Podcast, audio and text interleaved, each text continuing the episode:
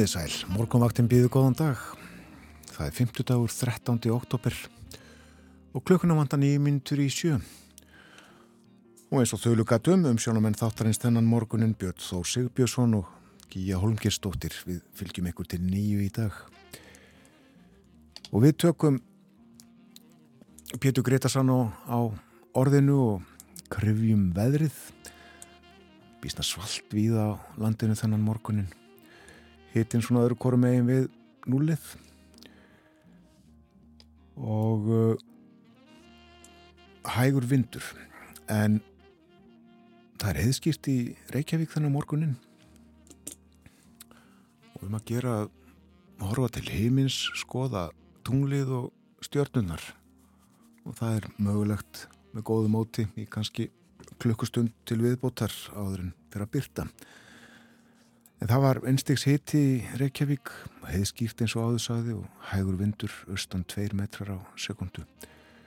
Og best að nefna það strax að uh, það er hálka á göttunum í Reykjavík og nágræni. Gíja, er hálka á Akureyri líka? Nei, uh, ekki greindi ég það nú þegar ég fór á stað í morgun en það gildi nú öðru með fjallvegi hérna nálagt. Akkurat. Það eru vist hálku blettir. En hitin er við frostmark á Kvanneri? Hægurvindur, einn gráða í stikishólmi, létt skíja þar, tveggjastega hiti á Patrísfyrði, þrjár gráður í Bólingavík, sjö metrar á sekundu í Bólingavík, norðaustanátt fór í 13. mestu kviðu.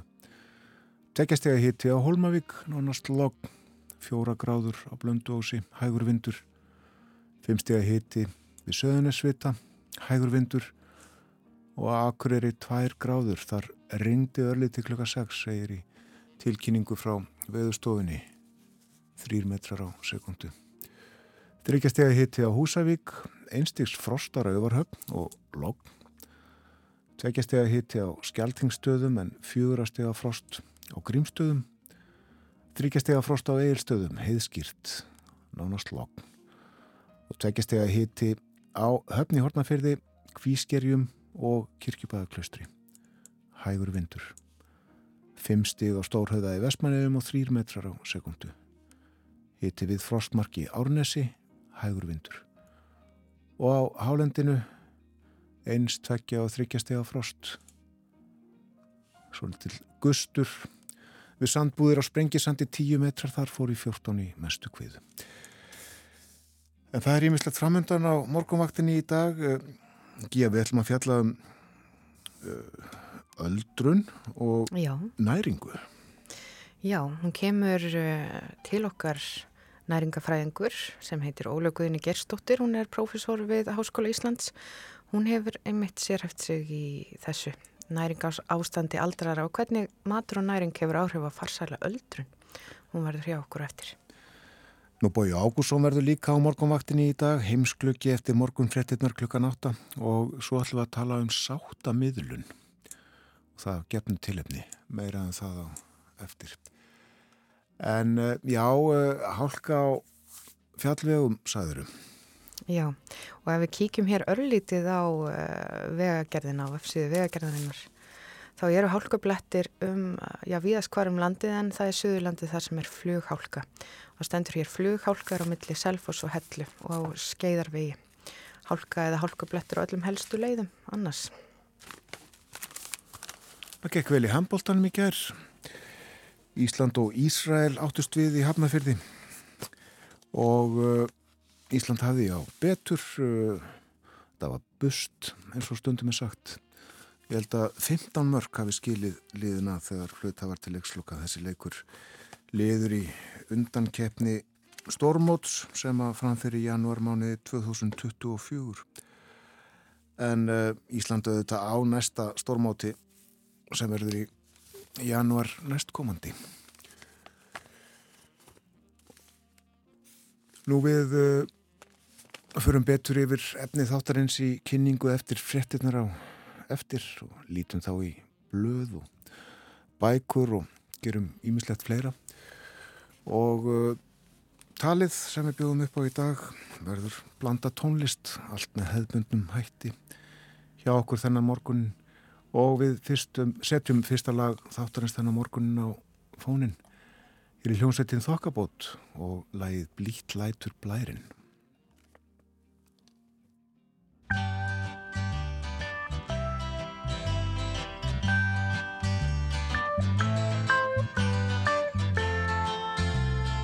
Blítlætur blærin um ringur og vanga svipað og særin dagnátt við dranga Já, blítlætur blærin um blóðin og vanga svipað og særin svellur við dranga.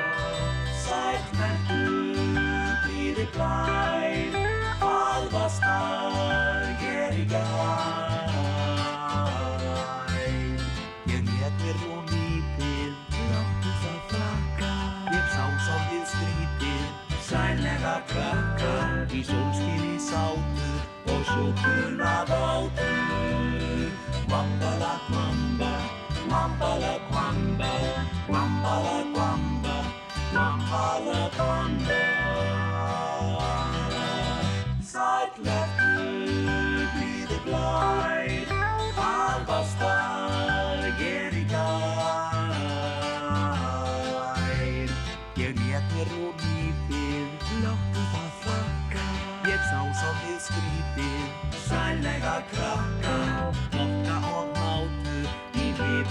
lifri þau sátu Í engu að ofan En örlitla meðan Dittir í tofan Datar í teðan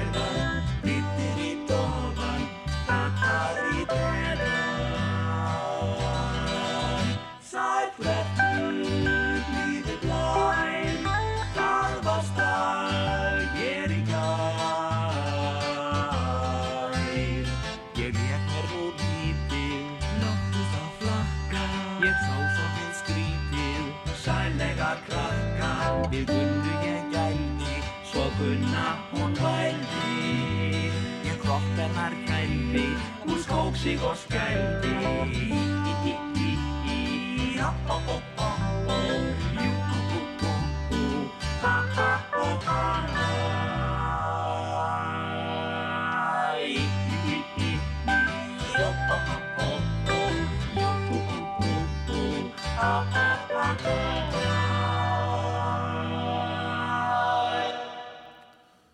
Þetta var Þokkabót og lagið Blít lætur blærin höfundu lags söngaskáldið Donovan. En Valgi Sigursson gerði þennan íslenska texta. Lagið var að finna á plötunni upphafið sem að koma út 1974 fyrsta plata Þokkabótar. Og þá skipuðu sveitina Haldur Gunnarsson, Gilvi Gunnarsson, Ingólfur Steinsson og Magnús Einarsson. Og uh, af öðrum lögum á þessari plötu má nefna Lilla Kassa sönginum Nýri Kanonna og uh, Karlsand undir kletti var líka á þessari plötu. En uh, aðeins meira af tónlistinni við hefum eftir að hlusta á Paul Simon og uh, heyrum líka í fleirum en framöndan eru fréttinnar.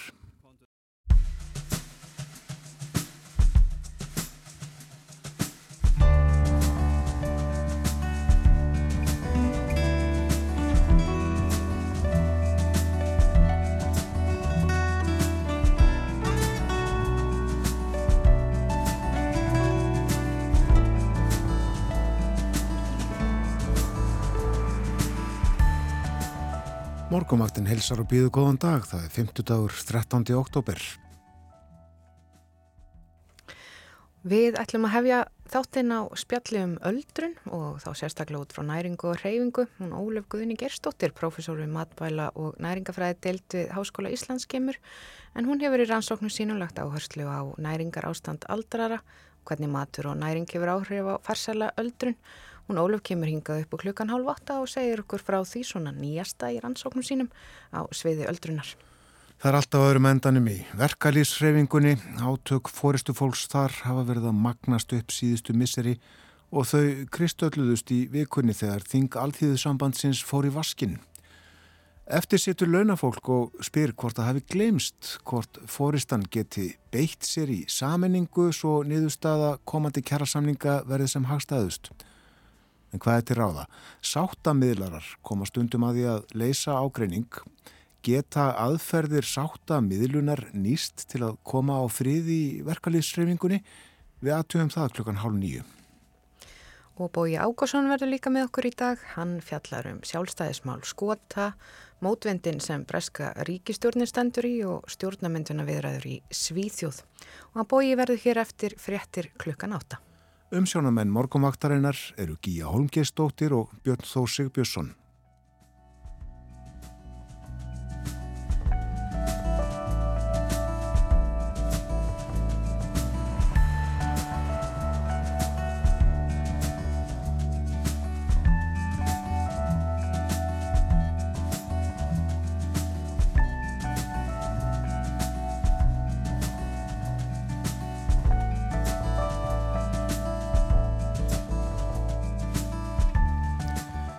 Vek aðtikli á því að það er viða heiðskýrt yfir landinu og uh, um að gera að kíkja á tunglið. Það er stórt, var fullt fyrir fáinum dugum og uh, en já, stórt og tegnalegt á himninum og uh, stjörnundar umkring.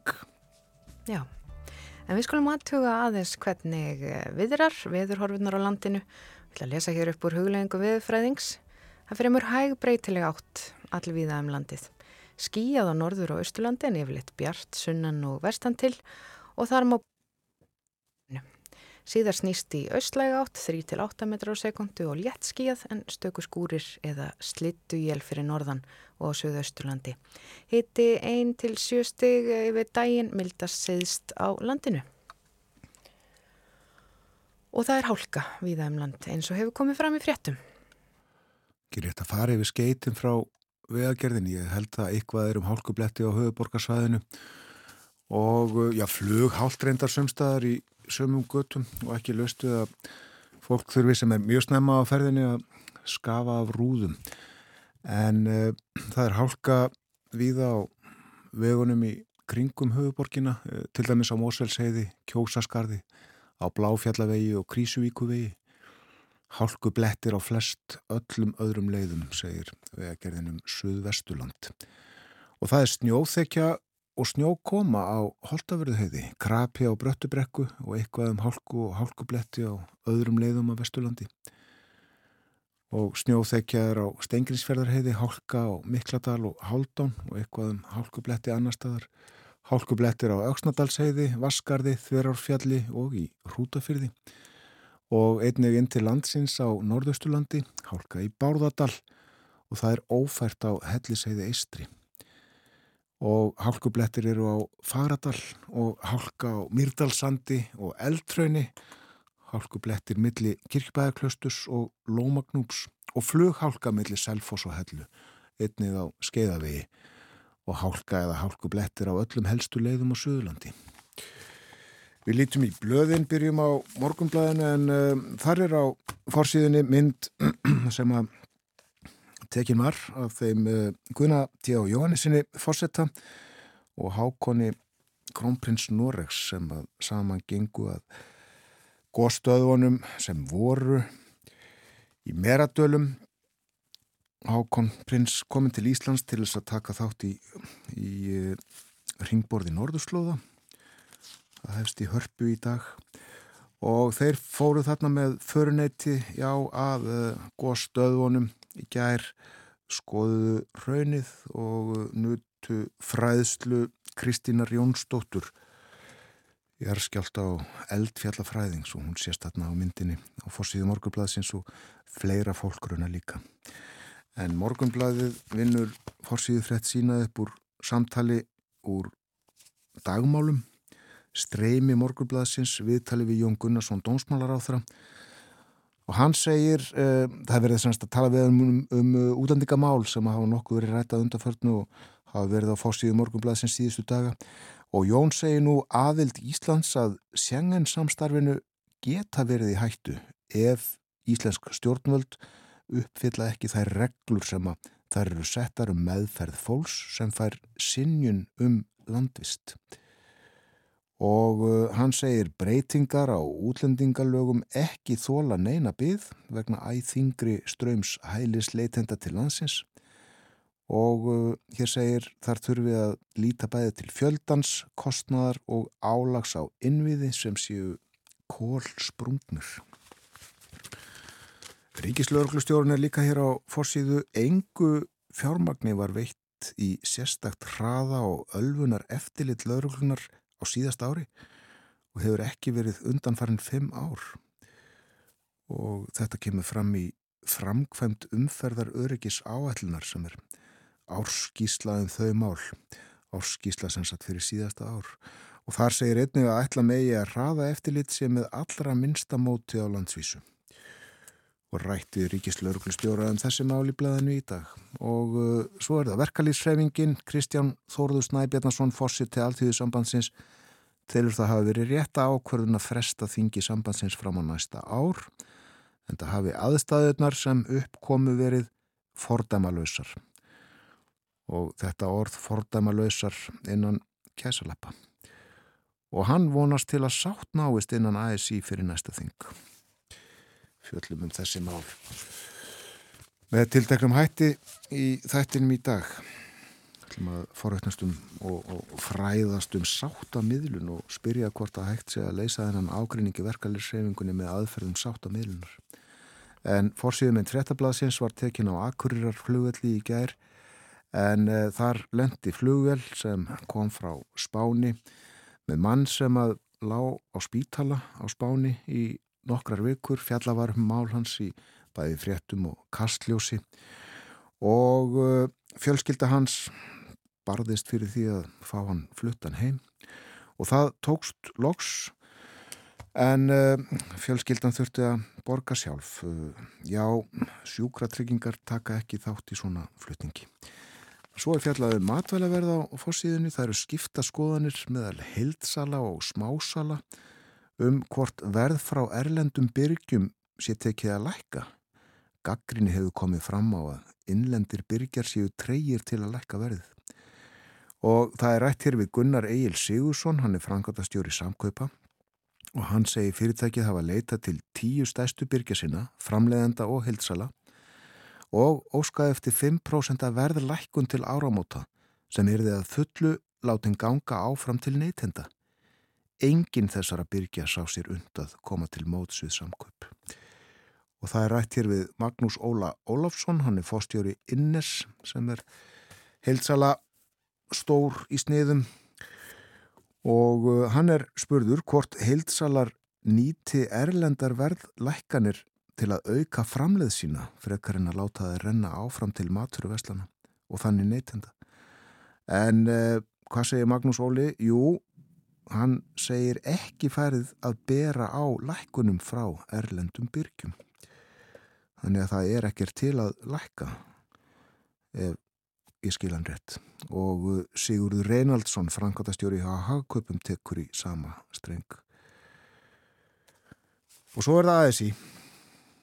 En uh, þar er farið yfir atbyrjar rás gerdagsins á ASI þinginu samt því tillegum að þresta þinginu í sex mánuði og rætt hér við Kristján Þór Snæbjörnarsson sem að mun sem sagt áfram sítja sem fórsýði allþýðu sambandsins í þetta hálfa ára allavegana og hann mun sem sagt leiða sambandið í komandi kjara viðræðum í vetur. Og fjalla nánar um málinn inn í blæðinu Já, svo er það Erlendu fréttinnar og við ætlum bara að byrja Vestan Hafs og þar stendur á forsýðu New York Times. Við sögðum sannleikan og þar er mynd af samsæriskenningarsmiðnum Alex Jones en þannig er þetta vitnað í fjölskyldurnar. En uh, Alex Jones, honum er gert að greiða fjölskyldunum á, þessara áttafornalampa Sandy Hook skot árásarinnar næstum 1 miljard bandarækjatala en Jones hefur haldið því fram í mörg ára að skotárásin á grunnskólan Sandy Hook árið 2012 þar sem 20 nefndur léttust hafi einungus verið gapp hjá stjórnvöldum Og það segir hér að líklega eigi Jóns nú ekki fyrir því að greiða þessar skadabætur. Það sem hann hafi kert fyrirtækið sitt í gjaldþrott í ágúst og því er óljóst hversu mikið þessa fjölskyldur fái á endanum. Og þetta segja sem er að sé aðferð hjá Jóns til að forðast að greiða þessa skadabætur í málinu. Þetta kemur fram í New York Times. En einnig í fréttum Vesthanhafs þar er fjallaðum að vittni hefur komið fram sem starfaði á heimili Trump fyrirvænandi fórseta og vittnið hefur sagt við FBI að Trump hafi fyrirskipað að kassar með gögnum hafi verið komið uh, undan eftir að stefna á hendur honum hafi verið byrt og það er meira fjallað um Trump uh, það er búist við að nefndin sem rannsakar óerðirna við þinghúsið þann 7. janúar muni koma saman brálega og uh, þar koma fram ný vittni og nýjar frásagnir og líklegt þykir að nefndin muni leggja áherslu á að varpa ljósi á heildarmyndina og búist við að þetta verði þessar uh, síðasta um, samkoma þessar nefndar uh, og lagt svona ljósa á heildarmyndina hvernig Trump kom að þessum atbyrði. En við skulum vinda okkur öllítið til Breitlands fyrirsagnir breskublaðana þær snúast um fórsættisráðaran Liz Truss eins og hefur verið undarfarið. Hún sætir mikill gaggríni um efnagstefnuna og það heldur áfram hún er harlega gaggrind núna af uh, sínu eigin flokksfólki sem hvetjana til að taka fleiri uppeyjur. En þetta mun uh, Bói Ákusson fjalla nánarum hér og eftir í heimsklukanum. Og uh, það er fjallaðum ríkistjórnamyndun í Svíþjóð í Svenska dagblæðið og líka um þessar nýjustu árásir á Úkrænu sem sagt var frá hér áðan í fréttum. En við skulum vinda okkur næst aftur í söguna. Á þessum degi fyrir 50 árum, þann 13. oktober 1972 og nú erum við komin aftur hingað, hingað innan lands. Þetta eru fréttir frá fimm, uh, því 1972 en þá útskrifuðust fyrstu barnahjókurunakonunar hér á landi og það er útskrifuðust á barnaspítala Ringsins. Frétt um þessa útskrift byrtist á forsýðu dagblæsins Vísis daginn eftir aðtöfnina og þarna á svarkvítri myndinni þá sjást sjöhjókrunakonur á samt, eh, á samt læknum barnaspítala Ringsins sem jafnframt voru kennarar þeirra og í fréttin er haft eftir Krispirnir Tryggvasinni yfirlækni að þetta er algjörlega framkvæmt á vegum lækna og hjókrunlega sjúgrásins í sjálfbóða vinnu. Einu afskipti ríkisins af þessu máli eru þau að leifi fjagst til að halda fyrirlestrana í vinnutíma. Hjúgrunakonnar höfðu allar starfað hér á barnaspítalarnum allt að einu ári en auk þess var hverjum sig sendið tvo mánuði til starfa á geðdeltinu við Dalbraut.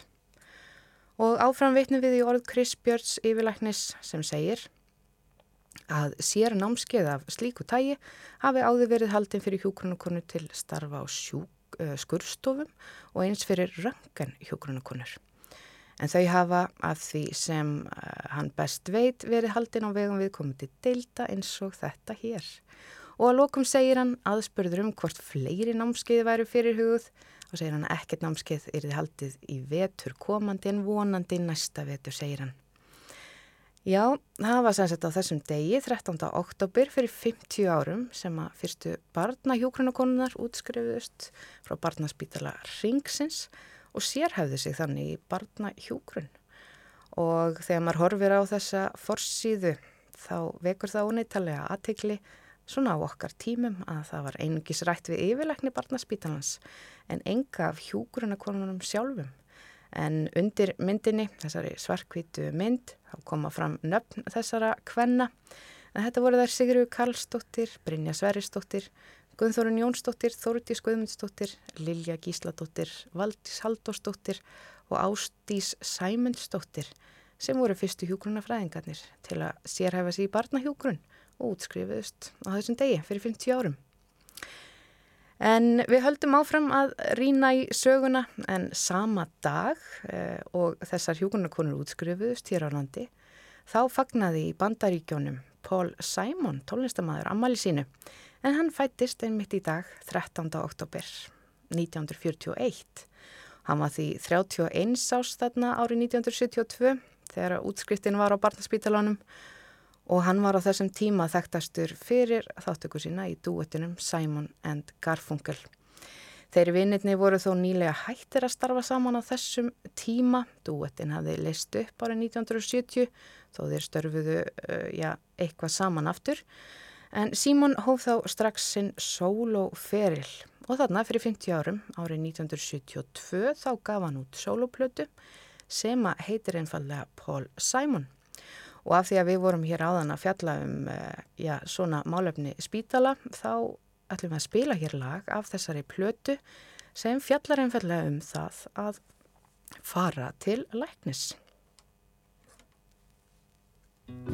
Went to my doctor yesterday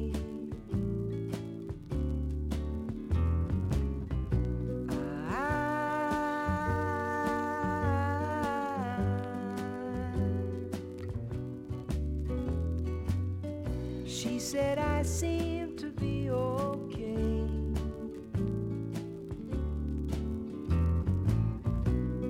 I,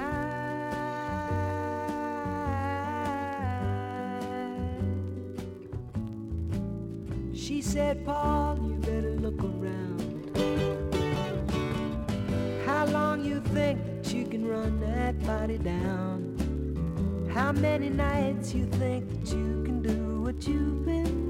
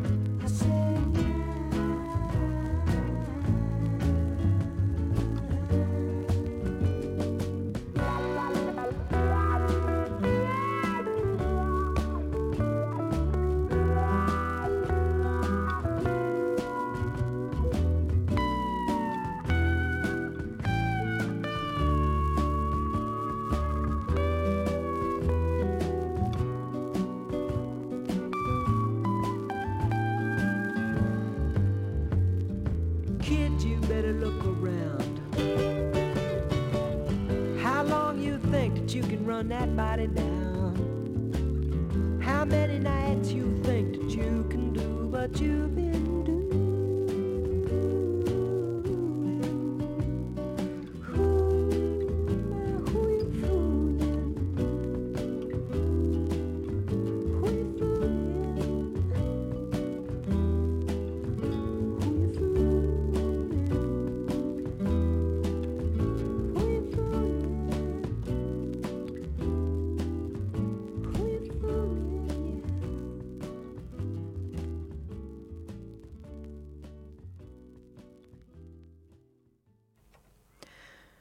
Paul Simon með lægið Run That Body Down af plötunni Paul Simon sem kom út árið 1972 fyrir 50 árum. En Paul Simon á afmæli í dag, hann er 81 árs. Og þá stuttlega náttúrunni að uh, grímsvatnar hlaupinu því að það veri spáð uh, fyrir svolítið síðan að það myndi hlaupa úr grímsvötnum núna í þessari viku og það gerðist. Því var spáð strax að hlaupið er því lítið og uh, það hefur komið í ljósa það er eða verður eiginlega enn minna en tali var. En í frétt sem að skrifu var á veðustofunar í gærlust fyrir hátegi þá uh, sagði að Íshellan, þar sem mælitæki veðustofunar eru staðsett, hefðu síið þá um 7 metra. Vöxturinn er hægari en reknafa með í upphafi og uh, miða við þróuna, miða við uh, útlitið í gær, fyrir hátegi í gær, þá var líklegast að hámarks reynsli úr grímsvötnum er þið setnipartin á morgun eða aðfara nótt, setnipart dagsins í dag, afsakið setnipartin í dag eða næstu nótt. Reknam á með að taki hlaupvatnum sólarhing að renna undir skeðarárjökul frá grímsvötnum og niður í farveg gíu kvíslar við þjóðveg 1. Og uh, sagði uh, líka að uh, renslið við brúna yfir fljótið á þjóðveginum í þessu hlaupi Það mun jafnast á við mikið sumarrensli og ekki hafa neyn áhrif á mannvirki, vegi eða brýr til að mynda. En uh, það líður að frettaði við litið hjá okkur. Kemur eftir uh, rúmar fjórar mínútur og uh, eftir það verður gestur þáttarins Ólaf Guðni Geistóttir, profesor við matvæla og næringafræði deilt Háskóla Íslands Svo minni ég á að Bói Ágússon verður hér klukkan átta, eftir átta fréttir þar að segja og uh, hann ætlar að uh, fjallum ellend málefni eins og hann gerir á morgunvaktinni á 50 dugum og uh, nú ætlum við að tala svolítið um uh, sjálfstæðismál skota eins og við gerum reglulega raunar. Við ætlum líka að tala um uh, stjórnmálinn í Lundunum og svo fyrir við til Svíþjóðar. En uh, það er verið að reyna að mynda nýja ríkistjórn eftir kostningatar um daginn. Hefur ekki tekist enn. En uh, Bói segir okkur frá því sem að, sem að er í gangi þar frá ástandi og horfum eins og sagtir.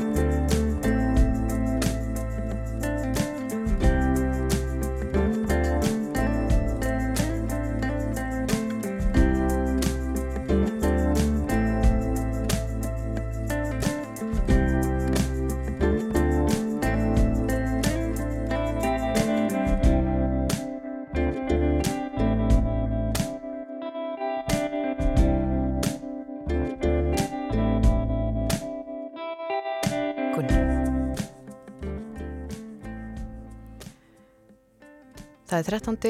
oktober og við ætlum næsta ræða öldrun og þá sérstaklega út frá næringu og reyfingu. Hún er kominninga til okkar, hún Ólöf Guðni Gerstóttir, professor við matvæla og næringafræði deilt við Háskóla Íslands. Hún hefur í rannsóknu sínu lagt áherslu á næringar ástand aldrara og hvernig matur og næring hefur áhrif á farsæla öldrun. Og uh, Já, hún ætlar að segja okkur svona frá því helsta, því nýjasta svona í rannsóknum sínum. Vartu velkomin, Ólef? Takk fyrir og takk fyrir að bjóða mér. Já, já, þú hefur nú áframt þínu samstagsfólki unnið undarfarið af því að greina svona hvaða þættir í lífstílótkar geta tryggt farsæla öldrun. En áður en við heyrum svona nánar af því, þá longar mig að, að ræða þetta, farsæl öldrun. Hvað er nákvæmlega átt við með þessu? Þetta er svona frekar flóki hugtak en svona ef maður myndi bara bara setja það bara í eina litla setningu það myndi það bara þýða að við fengjum að eldast eins og við viljum eiga fullt líf alla æfi Vist, og þá meina ég með fullt líf að, að vera sjálfbjarga að hérna, já eins og ég sagði það bara svona að gera það sem okkur langar að gera og njóta lífsins Þetta hljómar auðvitað mjög sjálfsagt en, en það er það kannski ekki. Nei, það, sko, það er svo áhugavert að það núna er áratögur aldraðara og það er nú alveg komið tvö ára inn á hann og það er mjög lítið talað um það svona almennt í samfélaginu að þetta sé áratugur aldraðara sem að svona kannski sýnir hvað við höfum höf, sem bara samfélag kannski ekkit mikið áhuga heldur en því að um, ég held að við viljum auðvitað all eldast því hinn möguleikin er svo ömulegur en enginn af okkur vil verða gömul og það Já. er svolítið flókið og hérna og það er svona kannski svolítið svona bara okkar einn fordómar að það að vera gamal sé ekki gott því að það getur alveg verið dásamlegt æfiskeið ef maður hefur heilsuna og hérna aðstæðunars til þess að njóta þess að vera til. En hverjir eru þetta sko að vera gamal, þetta er nú mjög afstætt, aldur er afstætt hugtak, en, hvaða aldurshóp eru þið að skoða í rannsóknuðinu? Ég veit að núna mun ég móðka mjög, mjög marga því að sko vísindi segja aldraðir eru 65 ára eldri og nú veit ég líka bara að mamma og pappi munum bara velta sér bara og bara hrista hausin sko en hérna þetta er bara svona skildgreiningatrið. Ég hef verið með hérna gamla, já, nú er ég að segja gamla koni, en hún var 92 ára, þetta er skilgaringatri, og hún er mitt skammaði mig fyrir það að hún væri ekki öldruð því að ég talaði um aldraði á. Og ég held bara að, þetta, ég held að sko við skilgrinum aldraða þegar að færninni fann að minga, þegar að hérna, veikindin er farin að verða ansi tíð þá finnst við okkur vera gömul. Ég átti ömmu sem sagðist alltaf verið 23 ára. Já, hún var reynda fætt 23 uh, Já, maður er einhvern veginn eldist ekkit í huganum allir, margir segi það ekki? Jú, og ég heldi mig þetta með hugan að þegar að hérna við fyrir að eldast í hugunum auðvitað bara þroskunst við. En þegar okkur finnst við fyrir árum gömul og þegar við, okkur finnst lífi farið að verða flókið erfitt þá bara eru við orðin smá gömul. Já, en þessi rannsókn eh, sem að þú hefur unnið að um, farsæla öldrun þegar það greina uh, þætti í okkar lífstíl hverjar eru svona ykkar nýjustu niðurstöður? Það sem við erum að fara að byrta núna er að þá er hún Vilborg Kolbún Vilmundarsdóttir að skoða hérna allt frá bara fængagögnum og fram á efri ár hvaða þættir hafa mest áhrif á reyðuferðin okkar. Því að reyðuferðin segir okkur hvort að við getum við sjálfbergað ekki. Það er ótrúlega stór hlut af því að hérna hafa góða reyðuferðin að geta staðið upp og stól, gert það sem hafa hefur þarf að gera við daginn og sýnt mm. sjálfur sér.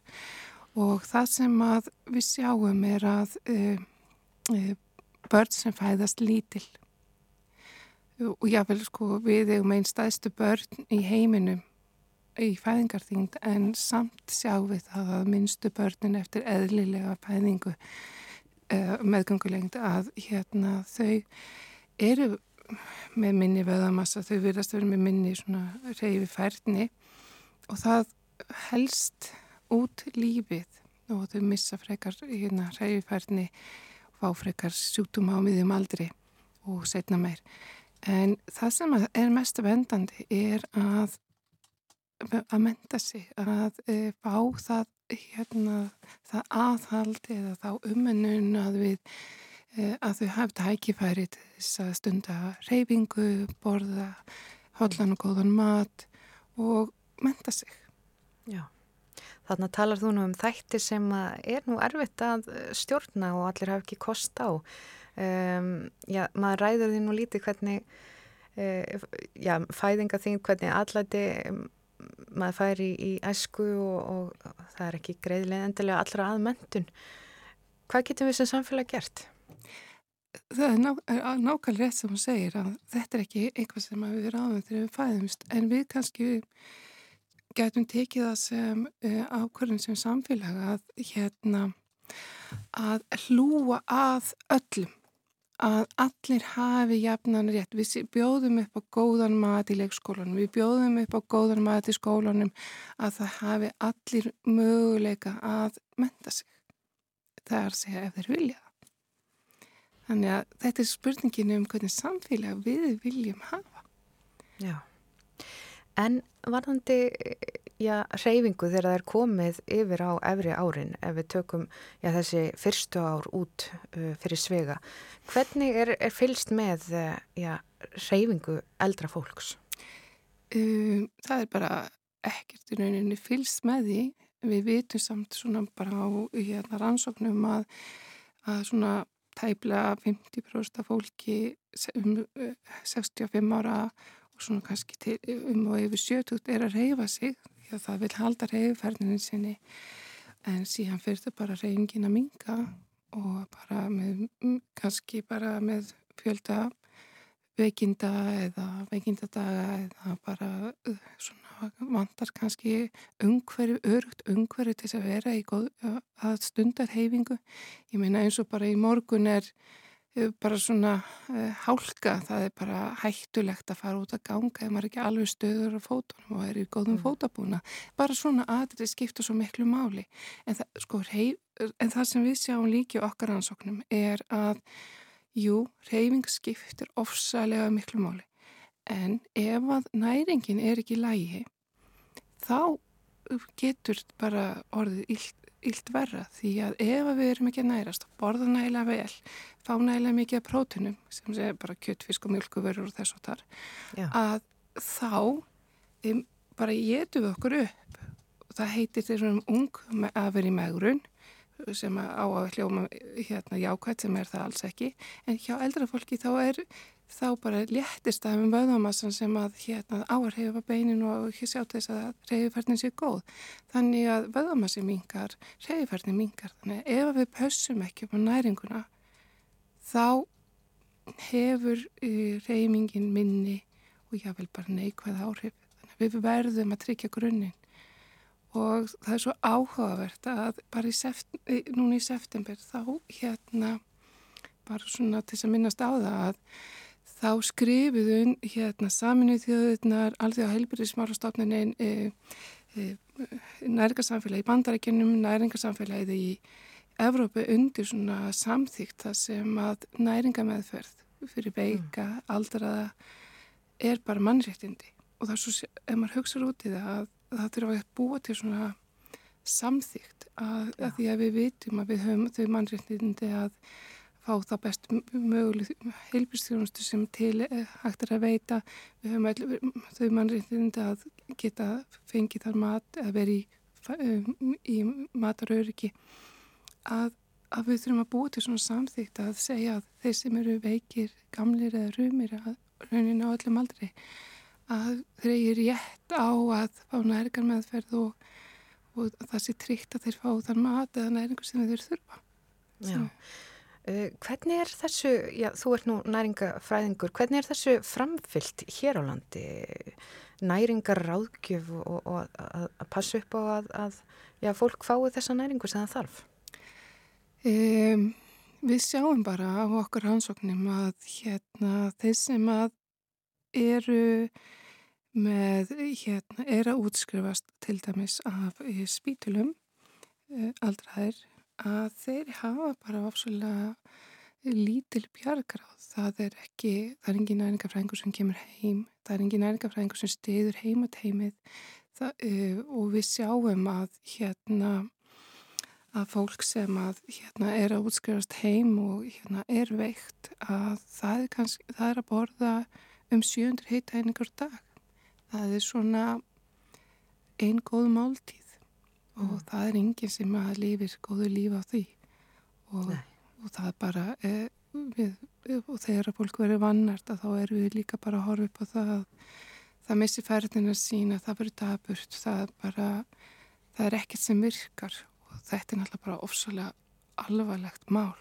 Já, um, nú veldi ég fyrir mér, matur er opuslega já bara að, að matast er félagsleg aðtöfn og það hefur nú verið tengt við uh, efri árin, það er þessi já, einvera og uh, að vera ein, einmannaleikin um, þarf að huga betur að félagslega þættinum í þjónustu við aldrei þegar kemur að mat og, og, og næringu?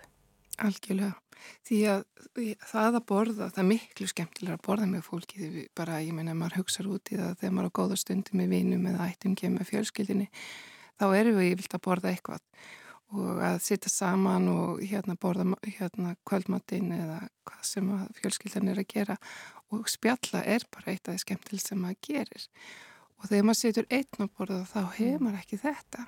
Og það er, kannski, það er stór hérna þáttur í því að það er ekkit gaman að, að fyrir mjög marga og ég er bara svolítið samlað því að það er bara ekkert gaman að elda fyrir einn og það er ekkert gaman að borða einn og ég hugsa ofta að það ætti að búa til svona matarklúpa þar sem að fólk bara væri með einfalda mat, frískunugreitum og slátur eða bara hittist og bara borðaði saman og skiptist á að elda og þetta þarf, þarf ekki að vera flókið.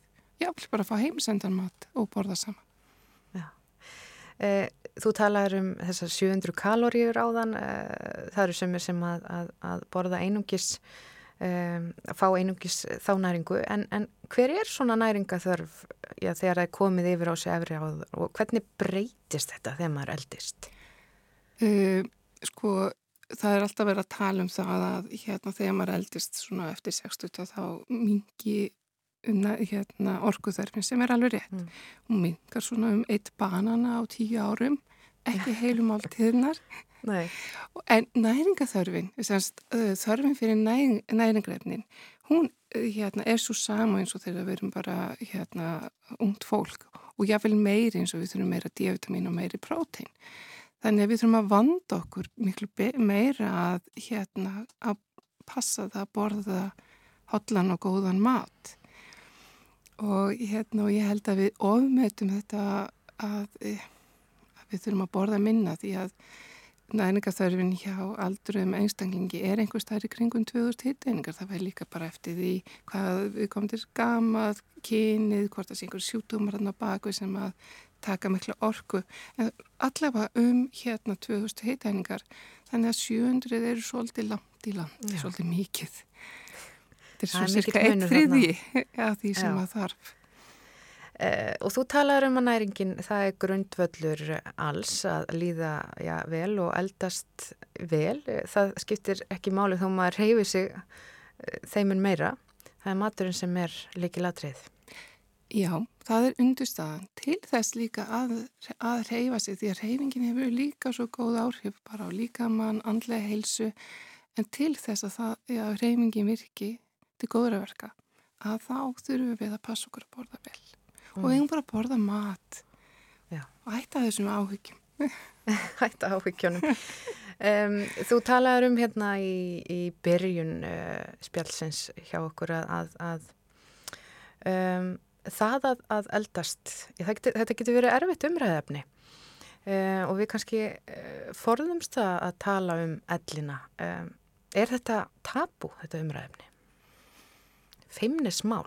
Kannski miklu frekar hérna, feimni, þetta er eitthvað svona sem að um, já, flestum finnst ekkert mjög skemmtilegt umræðefni og ég veit ekki hversu oft ég hef verið spurða af hverju er þetta að ansaka gamalt fólk mm. ég meina hvað, hvað fæst úr því en kannski bara hérna er þetta eitthvað sem að við erum að horfa upp að sjá að fólk er alltaf að eldast og eldast.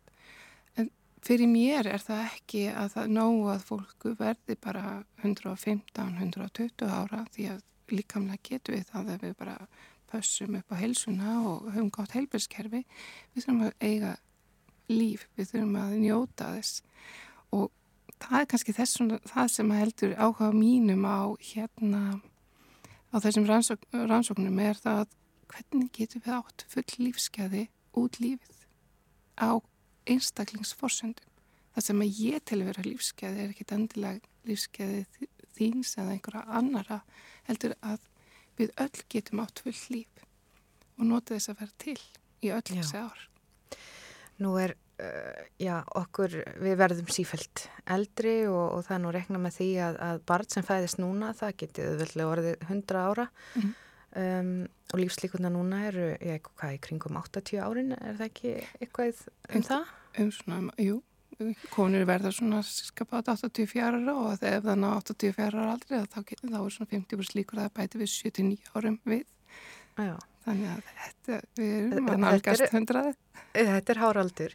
En, en hvað, sko, og í umræðinni þá nú oft talað um, uh, já, það er þetta að, að gamla fólkið fylli spítalana og það er þessi neikvæða umræða sem er oft tengt um, eldra fólki.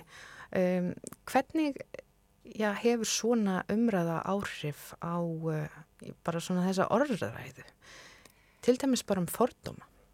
Ég held að þetta sé hluti af miklum fordómum því að ef maður hérna skoðar eh, hver er helsti til dæmis umrunaðali veiks hérna, aldraðs einstaklings það er yfirlt makin.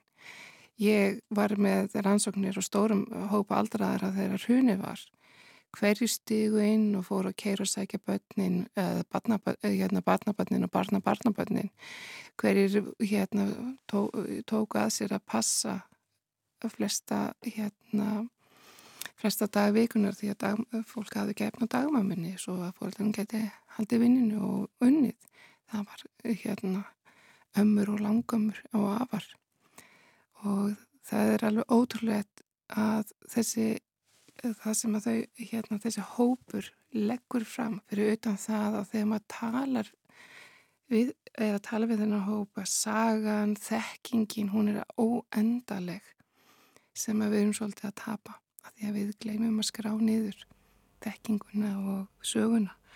Að hérna og þetta er fólki sem byggði mentakerfið okkar e, e, félagslega kerfið okkar þannig að við erum í endaleysur í, í rauninni þakkarskuld og, og þessi umræða veldur því að þegar að þú heyrir þetta aftur og aftur sem aldrei einstaklingur þá upplifur svolítið að þú hafið ekki tilgang. Og þegar við höfum ekki tilgang þá verðum við döpur og þá hérna fyrir að vera kvíðin og sjáum ekki okkur við eigum að vera lífi og þá eru svolítið svona lífskeiðan okkar bara svolítið farin. Þannig ég held að við verðum að fara að hætta að ræða þetta að, að það séu aldrei séu vandamál heldur að horfa á það hvað getur við gert? Hvernig skona samfélag viljum við hafa til þess að allir hafi hlutverk? Til dæmis bara að það hafa verið svona verkefni eins og ég veit að eins og í hafnaferðinum það sem að eru svona lestrar félagar það sem að eldra fólk er að hérna hittist og hittist hittir krakka sem eru að æfa sig að lesa og eru að lesa fyrir þau. Já. Gengur alveg glimrandi í ellendis eru svona eldra fólk sem hefur áhuga, má, kemur inn á hérna barnaheimil og eru aðstof, kannski sem bara lesa sögur og þau og hérna það er ansóknir sem hafa skoðað þessi verkefni segja í raunin hafa börnin meiri hag heldur en það gamla fólkið að, að, þetta svona þessi vinskapur myndist. Þannig að ég held að við ættum svona miklu frekar að horfa á hver, hvers konar samfélag það er sem að gera ekki ráð fyrir því að stór hluti hópsins á raunin ekki, hefur ekki tilgang eða á ekki plás sem er gamalt fólk. Svo er þetta byggja brýra á milli kynnslóða sem að samfélagi þarf að taka mögulega höndum uh, saman um. Algjörlega, við bara það er svo mikið tap ef að þessi hópur fær ekki að vera með. Það er bara þetta er fjarsjóður af fólki. Já, uh, Ólaf Guðni þú ert, ég kynnti þið nú sem prófessor um matvæla og næringafræðildina Ert þú ekki nýlega orðin prófessor? Jú, og hérna það var bara núna í fyrsta júli og svo bara verður hérna professors fyrirlesturinn minn um einmitt rannsóknir um aldraða þriðja nógumber. Og hvað, þú fjallar þar um, já hvað, næringu og, og, og öldrun eða? Þá fjalla ég um þessar öldrunar rannsóknir sem ég teki þátt í og, hérna, og um alþjóðlegu verkefnin sem að hérna ég hef verið í og hérna þannig að þá er það er svona þokkalega gott yfirleiti yfir það er þau öldrunarverkefni sem er í gangi held ég bara hérna á þessu landi. Já, hér á landi sem á annar staðar. Já, Þa, ég segi það ekki. en góð insinn inn í þennan málaflokk. Algjör. Uh, takk fyrir að koma hinga á morgunvaktina Ólöf Guðni Gerstóttir, profesor við Matvæla og næringafræðild Háskóla Íslands og segja okkur frá þínum rannsóknum. Takk fyrir mig. En við höldum áfram hér í morgunvaktinni, það stittist í áttafréttir en uh, þanga til þá ætlum við að já fara aðeins yfir efnið sem er framöndan. Við ætlum að opna heimsklukkan hér á eftir. Bói Ákusson kemur til okkar, ræðir já, hvað er það helsta sem að er uppi í, hann ætlar að ræða Skotland, England, Svíþjóð, Danmörk, Ímislend sem verður í bóði í heimsklukkanum hér á eftir og við ætlum líka að ræða þetta ástand innan verkalýs hreyfingarinnar og já, það er ímislegt þar uppi, það er, það er nú spurning hvernig er hægt að leysa úr þessum deilum og við ætlum að fá sáttamidlar til okkar til þess að aðtjóða hvað er nú hægt að, að gera, hvort að sáttamidlun geti breytt ykkur í, í, í deilum sem eru innan verkalýsreyfingarinnar, innan alþjóðsambandsins. En það líður hér að áttafréttum og svo verðum við hér aftur á eftir.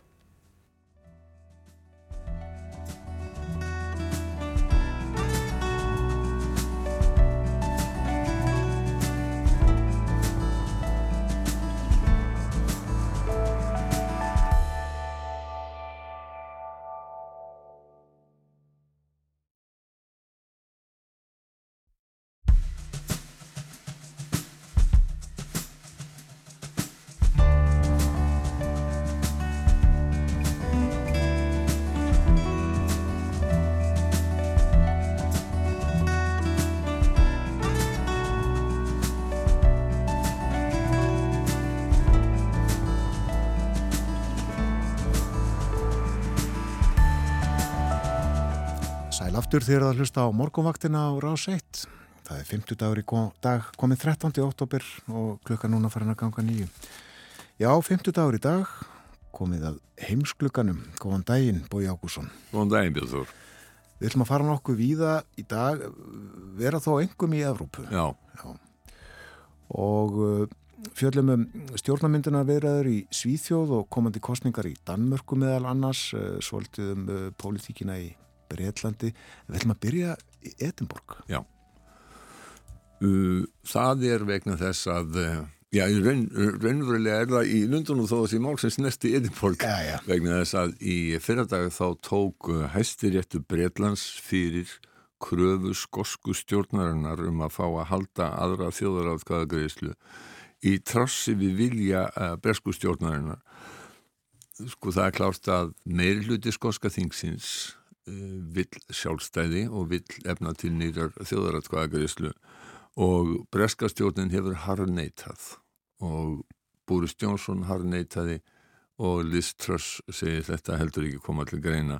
Og komum kannski aðeins síðan að því hversu föstum já, hversu djúbum rótum hún hefur náðu að skjóta, það vilist vera sem að það sé hérna mjáljóst og spurning hversu lengi hún verður í ennbætti en það er allavega klárt að breski íhalsflokkurinn sem er með verulega meirulita á þingin í vestminister hann vil ekki hérna bara ljá máls á því að skotar fái að ganga aftur til uh, þjóðrætkvæðagreyslu um sjálfstæði. Aftur segur já, það eru bara fáin ár síðan að, að sjálfstæði var fælt í þjóðrætkvæðagreyslu. Já, það var uh, 2014, í september 2014 og þá gengur skotar til þjóðrætkvæðagreyslu uh, og þá greittu 55% atkvæði gegn því að þeir yrðu sjálfstæðir og 45% eðlilega með sjálfstæði fyrir þjóðrætkvæðagreysinu þá hefðu marga skoðanakannanir, já svona árið fyrir bentil þess að væri nú ekki svona rétt um þriðjungu skota sem óskaði sjálfstæðis.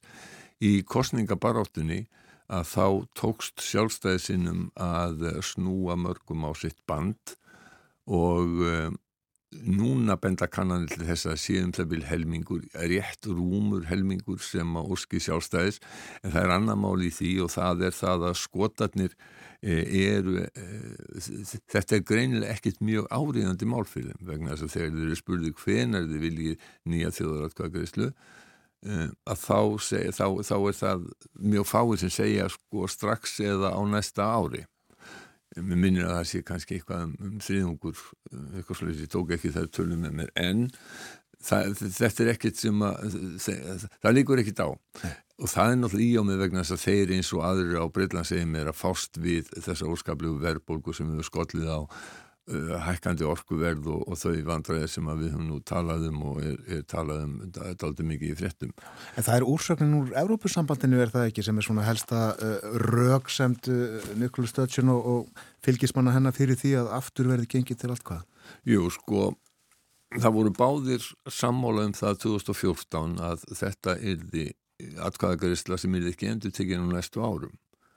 Uh, og þeir töluðum sko að það er að koma ný kynnslóð áður en að það er gengið aftur til atkvæða. Og þetta uh, þeir sem að vilja halda í sambandið þeir hamra á þessu núna og segja að það verið gengið frá því að þeir skilningur alla eftir því kendur tekið sjálfstæðisinnar með Nikola Sturgeon uh, fyrstar á þeirra Skotlands í brotið fylkingar þeir segja allar forsendur breytust okkur var sagt að til þess að geta verið áfram í Európa-sambandinu þá yrðum við að halda sambandinu með Breitland. En það varð til þess að við vorum dregin út úr Európa-sambandinu þvert eh, á vilja okkar og það er rétt að geta þess og það eru sko um tveir þriðju skota sem að höfnuðu Brexit. Uh, og um, ja, tæmlega tveir þriðju. Þannig að uh, þetta, það fóð mjög í, í tögarnar á fólki í Edinborg og í skorsku uh, efnahagslífi og atvinnulífi. Mm. nú í síðustu kostningum til skorska þingsins að þá fór það þannig að þeir sem að vilja meiri hluta nei, þeir fengu meiri hluta sem að vilja sjálfstæði. Þar að segja skorski þjóðaflokkurinn SNP og uh, umhverju sinnar sem uh, eru með þeim í, uh, í, í meiri hluta hana. og þeir sáu það að það væri ekki hægt að fara þessa vennuleið vegna þess að samkvæmt bersku stjórnarskráni að þá eru mál sem að snerta sambandið samband Skotlands og Englands sem hefur staðið frá 1707 það er á forræði stjórnarinnar í Lundunum eða breska þingsins. Og uh, það leif, og, og leifi fæst ekki fyrir nýri þjóðaratkvæðagveðslu og þá ákveða skotar að fara sagt, í mál. Fá úr því skorið fyrir hæstarétti hvort að skoska þingið sem var í rauninu komið árétt fyrir síðustu aldamót hafi vald til þess að samþykja lög um þjóðaratkvæðagreyslu.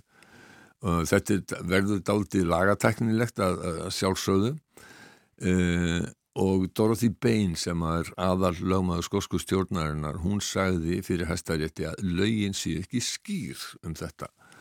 Uh, og skoska stjórnin segir að hún þurfi ekkert leiði frá bresku stjórninni vegna þess að þjóðaratkvæðagreyslan sé ekki bindandi hún sé ráðgjöfandi um, og eins og ég segi, þetta er svona daldið teknilegt en, en uh, og skosku þjóðinni í að vera fullkomlega heimilt að leita ráða hjá skosku þjóðinni.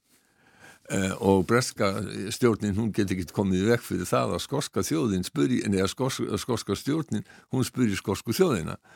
Um, og það sé bara mál þingsins í Hollywood. Hollywood er í, Edinborg það sem að, að þingið sittur En breskastjórnin, hún heldur sig við það að allt sem að snertir samband Englands og Skotlands eh, sé málefni eh, Lundunarstjórnarinnar lögin síu skýr um það að málefni stjórnarinnar og þingsis í Vestminister það er breyta ja, eða stjórnarinnar, bresku stjórnarinnar. Og þar að ekki segir enska stjórnin eða breska stjórnin að það sé ekki hægt að byggja hæstaréttum að taka afstöðu til gildis laga um þjóðrætkvæðgriðslu vegna þess að þau hef ekki verið samþygt. Það er ekki hægt að byrja hæstarítum að taka afstuðu til svona hvað ef mm. spurningar og breskastjórnin kreft þess að þessu máli verði, verði vísa frá. Sko það er nú ekki alveg búist við nýðustuða alveg á nestunni en nú er nýlokið þessari vertíð eh, breskra stjórnmálaflokka þar sem að þeir halda landsfundi sína og síðasti landsfundurinn var eh, hjá skoska þjóðaflokknum og lög nú fyrir þessari viku. Og það er náttúrulega þeir sem að fylgjast með breskum stjórnmálum þeir vita það að, að landsfundur verkamannaflokksins gekk mjög vel. Þar hefur íðulega verið hver höndin upp á móti annari en að þessu sinni var nokkur eindrækni hjá íhjálpsflokknum hefur venjulega verið mikil eindrækni á yfirborðinu þó að menn hafi vitað að það hafi kræma undir niður í mm. en að þessu sinni að þá, þá jæna, var, voru deilutnar mjög augljósar eh, en í lokin á meðan á, á landsfundi skorska þjóðaflokksins stóð þá, þá uh, fór uh, Nikola Stöðsson í, í morg viðtölu og hérna og hún, og svo flutti hún í lokin, þá flutti hún ræðu sem var fyrna vel tekið á, uh, uh, á fundinum. Og ég ef að það ekki að einhverju aðri flokksliðtor hefði viljað fá þær mótökur sem að hún fekk þar þar sagði hún sko að skotar mættu ekki tapa sér í að, það, því að hugsa bara um sjálfstæði. Sjálfstæði væri ekki lausn allra vandamál og við skulum heyra smá bút úr Nikolu Stöðsson þar sem hún talar um þetta. Independence is not a panacea for any nation, but it is about hope for a better future. Sjálfstæði erum von um betri framtíð en ekki lausn allra vandamála okkar sem nú standa. Uh, núna er á sundarsmórnum, það voru þar árum saman þættir á BBC sem, að, uh, hétu, sem voru kentir við stjórnandan Andrew Marr, nú er hann farinn og, og genginn til liðs við uh, uh LBSC út á stöðuna og í staðin er komin uh, kona sem var eh, í nokkur ár aðal politísku rítstjóri BBC, Laura Kunsberg og hún fekk Nikólu Stöðsson í heimsókn og hún spurði sagt, sko, af hverju þau var að fara þessa eh, lagalegu leið eh, og, og sagt, í rauninni hvað gerist ef að, ef að, ef að þau fá ekki að, að ef að sér tæstir þetta segja nei, hvað gerist þá? We have to have an alternative. If, if democracy is blocked, if the, the route by which uh, it would be right to consider and decide this issue, which is a, a lawful constitutional referendum, is blocked by Westminster mm. because they fear the democratic choice of the people of Scotland, then for me and for the SNP and for people who support independence, the choice is then simple. We put our case to people in an election or we give up on Scottish democracy. And, you know, I want to be very clear today, I will never, ever give up on Scottish democracy. Þarna saði Nikola Sturgeon að ef að þau gætu ekki hæstiréttur meinaði þeim að fara að hafa nýja þjóðarætkvæðagreyslu að þá yrði þetta mál bórið undir skorsku þjóðina í næstu kostningum með því að það yrði þá lagt fyrir þið eruð að kjósa um þetta, ef þið kjósið okkur og sjálfstæði sinna, þá eruð að kjósa um sjálfstæði. Já. Og hún sagði að, sko, hún sagðist ekki trúa því eða svona höfum marg oft sagt það að, að, að breska stjórnin stæði í vegi fyrir líðræði og líðræðislegum vilja skosku þjóðarinnar og hún ætlaði sjálf aldrei að gefast upp á, á, á, á því að láta fólkið ráða. Sko, skotar hafa líka verið að halda þýttaldi á lofti og svona ítti að, að breytum og, og hefur kannski komið aldrei við kunnun á þeim. Hvað hefðu þið sagt við brexit-sinna? Hvað hefðu þið sagt ef þið hefðu þurft að leita leifis frá Bryssel til þess að halda þjóðarætkvæðagreifslum brexit? Við erum í sömu stöðu, við erum í sambandi sem við viljum ekki verið í og uh, þannig að þetta þetta verður áfram til umræðu og, og, og það er ekki eins og ég sagði á það er ekki búist við nýðustuðu 1, 2 og 3 Nei, var ekki fyrirspurnatími í Breska þinginu í gerð? Það var fyrirspurnatími í Breska þinginu í dag og það var hart sögmað að, að Liz Truss og hún stendur ekki mjög törstum fótum. Það er Breska tímaritið Economist sem við höfum nú stundum vitnaði það sagði að hún hefði sett met. Uh, ef að tekið væri frá tímins þar sem að var sko, pólitík var eiginlega, var engin pólitík vegna döða drotningar og þá hefði hún raunverulega verið við völdi vikum það væri áður en að hún misti allt tröst og, og, sko, og alla möguleika á því að koma sínum málum í gegn eins og, og nýjir fórsættisráþarar um, eiga að hafa. Og þeir sögðu að það væri hérna svona líftími salats sjö dagar. Og heldur háðulegt. Og það hafa öll spjót staðið á þeim. Ég, þeir sem að vilja kynna sér þetta uh, Ítalja, ég bendi þeim á uh, umfjöllun áskis Áskils Tómassonar í, í speiklinum í gær Einmitt. sem að má hlusta á í, í spilarúf þar fór Áskil ágætlega yfir uh, stöðuna þar mm.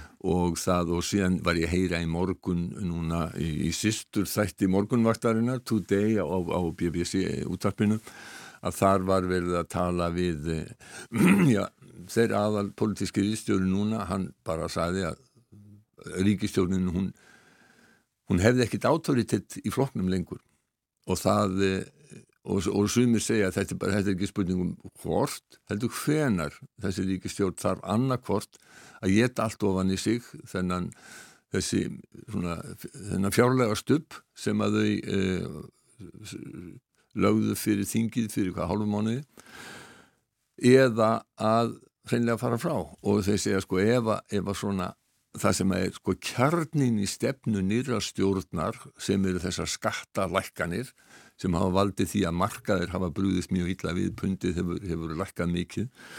Eh, ef að, ef að hérna, það eh, ef því verður breytt þá er stjórnin rúin öllu trösti og trúverðuleika uh, en ef það breytist ekki þá mun flokkurinn hugsanlega vikjaðin frá vegna þess að það er algjörlega óvist hvort að uh, breskir þingmenn breskir þingmenn íhalsflokksins samþykki þessa tilhugur þegar til, til kastana kemur. Já. Tölum þá um stjórnmál í Svíþjóð. Það kosi þar fyrir mánuði 11. september. Ekki búið að mynda ríkistjóð Nei. Og uh, Ulf uh, Kristersson leiðtögi moderaterna sem að fekk umbúðið fyrir, fyrir, já, já, fyrir, fyrir, mánuði, já, tæmlega, að hann átti í gær að gera uh, þingfosseta grein fyrir stöðunni og í rauninni að koma og segja og mynda nýja stjórn. Það hefur hann mikið tekist. Nei. Og ástæðan eru deilur síðjóðdemokratana sem að voru sígu vegar að síðustu kostninga og uh, frjálslindra, liberalina.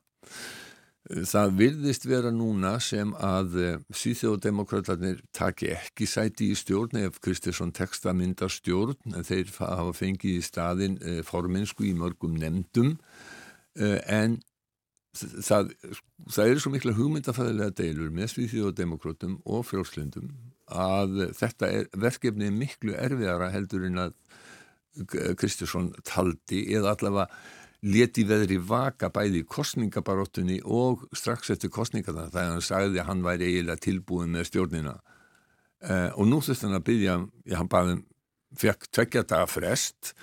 En þetta er eins og menn hafa sagt í síðjóð Þetta dregur dálítið úr trúverðuleikanum og þetta er e politist ekki gott fyrir hann. Skulum heyra uh, politískan ríðstjóra sænska ríkisútvarsins uh, Fredrik Furstenbach uh, tala um þetta strax efter að þetta var ljóst i gær morgun.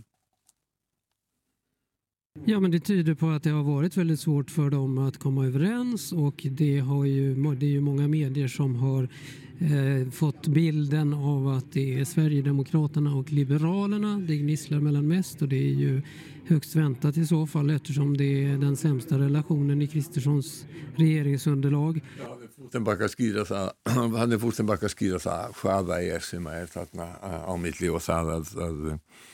að þetta sé svona politist ekki sérstaklega gott fyrir, fyrir um, Kristursson. Nei, það tók Stefan Löfven uh, langan tíma já, að mynda stjórn síðast. Já, já, það er rétt. Það tók mjög langan tíma, það tók með meiri þrjá, næri fjóra mánuð held ég ef maður rétt. Uh, en um, fyrir utan þá stjórnamyndun að þá er þetta lengsta stjórnamyndun uh, tilraun í Svíþjóð og sko í síðast að þá var ekki meiri hluti, þá hafði vinstri blokkin, hún hafði ekki meiri hluta og Stefan Löfven, hann þurfti að vela einna flokkonum úr hægri blokkinni eh, sem sagt miðflokkin, Senten með sér til stuðnings með Senten og liberalina og þeim til þess að, að, að, að fella ekki minni hlutastjórn sína. Mm. og það tók talsvert langan tíma og endaði með síðan því sem að þau kolluði januar samkómalægið Eh, en eh, núna þá var Kristiðsson búin að segja við ætlum að gera þetta og við það tekur okkur engan tíma. Akkurat. en það bara tekur talsveit langan tíma og síður ekki fyrir endan á því. Og meðan er uh, Madalina Andersson fórsættisáþur er það ekki? Já, og hún svona fór háðulegum orðum um uh, Kristiðsson í gær, en hún hefur hins vegar haldið þeim möguleika opnum,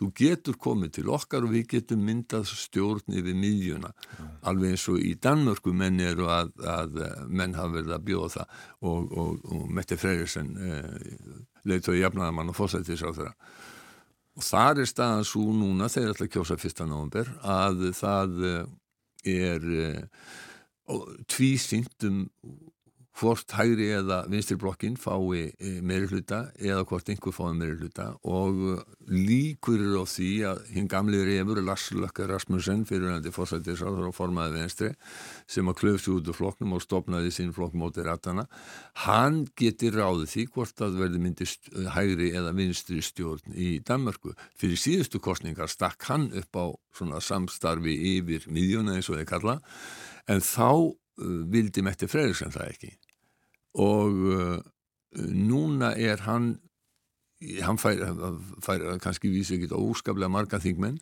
en nægilega marga til þess að vera akkurat sá sem að getur að ráða þessu. Þannig að það verður að þessu leitinu til og náttúrulega mörgu leitinu dansku kostningar það er mjög spennandi en að þessu leitinu til þá verðum við að segja að þarna þarna verður mjög gaman að sjá og, sjá, og, líka fylgjast með því hvernig Lars Lökke svona spilar úr, úr þeim kortum sem hann fær á, á, á hendina. Já. Við segjum þetta gott í dag af erlendum álöfnum. Kæra þakki fyrir, Bói Ágússon. Takk sem liðis.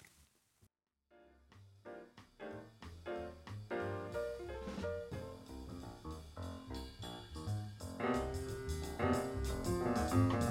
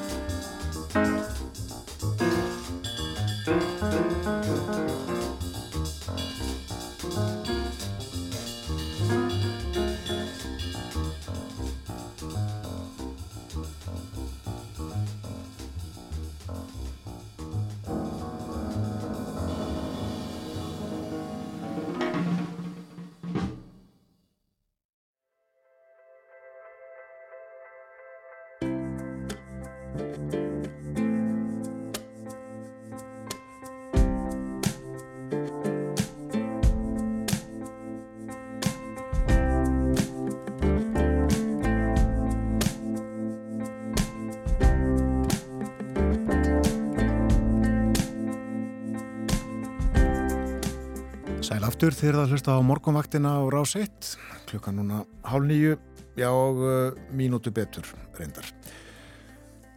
Og við vindum okkur í næsta mál. Alveg reynd ótrúlegt ástand ríkir innan verkalýs reyfingarinnar og hefur gert í talsverðan tíma. Það byrtist í afsögnum og sverum yfirlýsingum fólks hvertum annað. Og þetta er fólk sem á að heita samherjar, samherjar í baráttu og hagsmunagæslu fyrir launafólk það eru kjara samningar framöndan. Samheldni og samtaka máttur og slagkraftur samstöðu er ekki í auksinni augnablíkinu. En hvað getur fólkið sem í hlut á gert svo fríður komist á? Stundum leitar fólk með ágreiningsinn, stóran og smáan, til sáttamiðlara. Býr sáttamiðlunin yfir aðferðum til að laga ástandið í verkalýs reyfingunni. Við veltum því fyrir okkur næstu mínútur. Í símanum er Elmar Hallgríms Hallgrímsson. Hann er sáttamilari og hefur bæði miðlað málum í deilum og kent sáttamilun við háskóla síðustu ár. Heil og sæl og góðan dag. Já, góðan daginn. Sælublessaður. Sæl, sæl. Já, ástandið er ekki gæfulegt í verkalýsreyfingunni. Þú hefur líklega fylst með þessu úr fjarlæð þó. Ég spyr, sínist þér hægt að leysa málinn með þessum aðferðum sem að sáttamidlarar beita í sínum störfum? Já, sko, sáttamidlun gengur nút á það að við erum að fá inn þá svona hlutlösan þriði aðila til þess að hjálpa aðilum sem er í ágreiningi, samskiptamandamálum eða einhverju slíku og hann er svona að hérna, notar ákveðin aðferðafræði til að ná aðilum saman, uh, vinnur að laust með þeim Uh, og sáttamilun er viðurkend aðferðafræði bæði hér á landi þó í oflittlu mæli að mínumatti en sérstaklega út í heimi.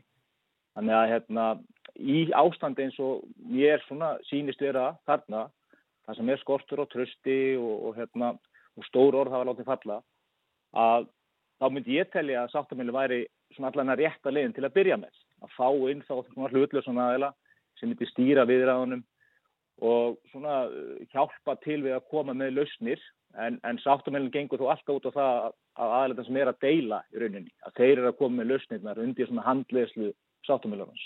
Já, segð okkur nána frá aðferðafræðinni.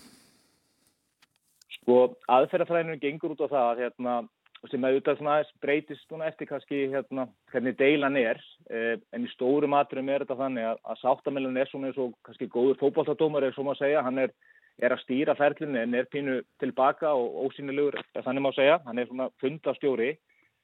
Eh, ferlið er unni þannig að hérna, eh, þegar sáttamilunum hefst að þá fær hvora, eða við gefum okkur svo tveir aðalega að deila, að þá fær hvoru sig tækifæri til að með sína hlið, eh, sína upplifun, sína frásögn af hvernig þetta horfið við honum og höfum við huga að við erum að káða þetta djúft í sáttamilunum því að ofta tíðum er kannski rót deilunar önnur heldur en kemur fram á yfirborðinu. Það að menn ger eitthvað í dag er kannski ástæðan er eitthvað annað sem gerist fyrir einhverju síðan. Þannig að sáttamil er að stýra þessu ferðarlega á fórumu sig að koma fram með sína frásögn uh, og eftir það að þá er oft tekið svo kallað eintalins og köllum í sáttamilun, þá er talað einslega kottn við svona sinn aðalega til þess að fá svona dýbri skilning og hugsalega kemur það eitthvað fram sem að við komum að dæli vill ekki segja fyrir framann hinnaðalan og svo eins og ég ger þetta að, að þá tekið séðan hérna uh, tekið svona svo kallað hugaflug eins og stundum er kallað með aðilum uh, sem er að deila og fæ fram tillegur frá þeim að að einhver ákveðni laust og svo auðvitað milli er kannski ákveðin svona samlingatekning gangi maður að vinna með ákveðin atriði á milli, nú er það bara að gefa eitthvað svona stórumyndina og svo er svona hugaflögi búið að fara fram að þá reynir, reynir sáttamælun að tengja saman uh, lausni sem koma þar fram hjá sikkurum aðlunum.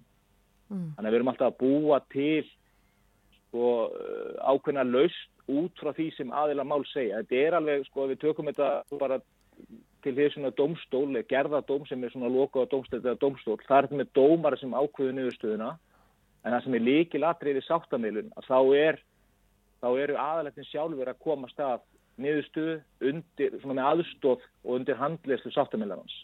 Já. En hvað, á, á, en, en hvað tekur svona ferli langan tíma, sáttamiluna ferli yfirleitt? Já, sko sáttamiluna ferli, þetta er, eh, eins og Íslandi, þá er í rauninni, heitar það þessu sáttameðferð, en það er eina svona lögbundna sko, úrræðir í hérna badnælum þegar fólk er að, hérna, er að skilja á þess áttar og ef með börn þá þarf að fara í sáttameðferð á síslumanni Það getur tekið hérna, ég vil bara hálfan dag eða, eða einn dag, uh, getur verið tvö skipti en eins og í deilu sem er kannski að þeirri starra gráðu sem við erum að upplifa þarna, þá myndum maður alltaf áallan nokkra daga í þetta. Uh, en svo ertu líka, þetta er ekki stanslu skundur, þú ert kannski með sáttamilun á mánudegi, bara gefum okkur það.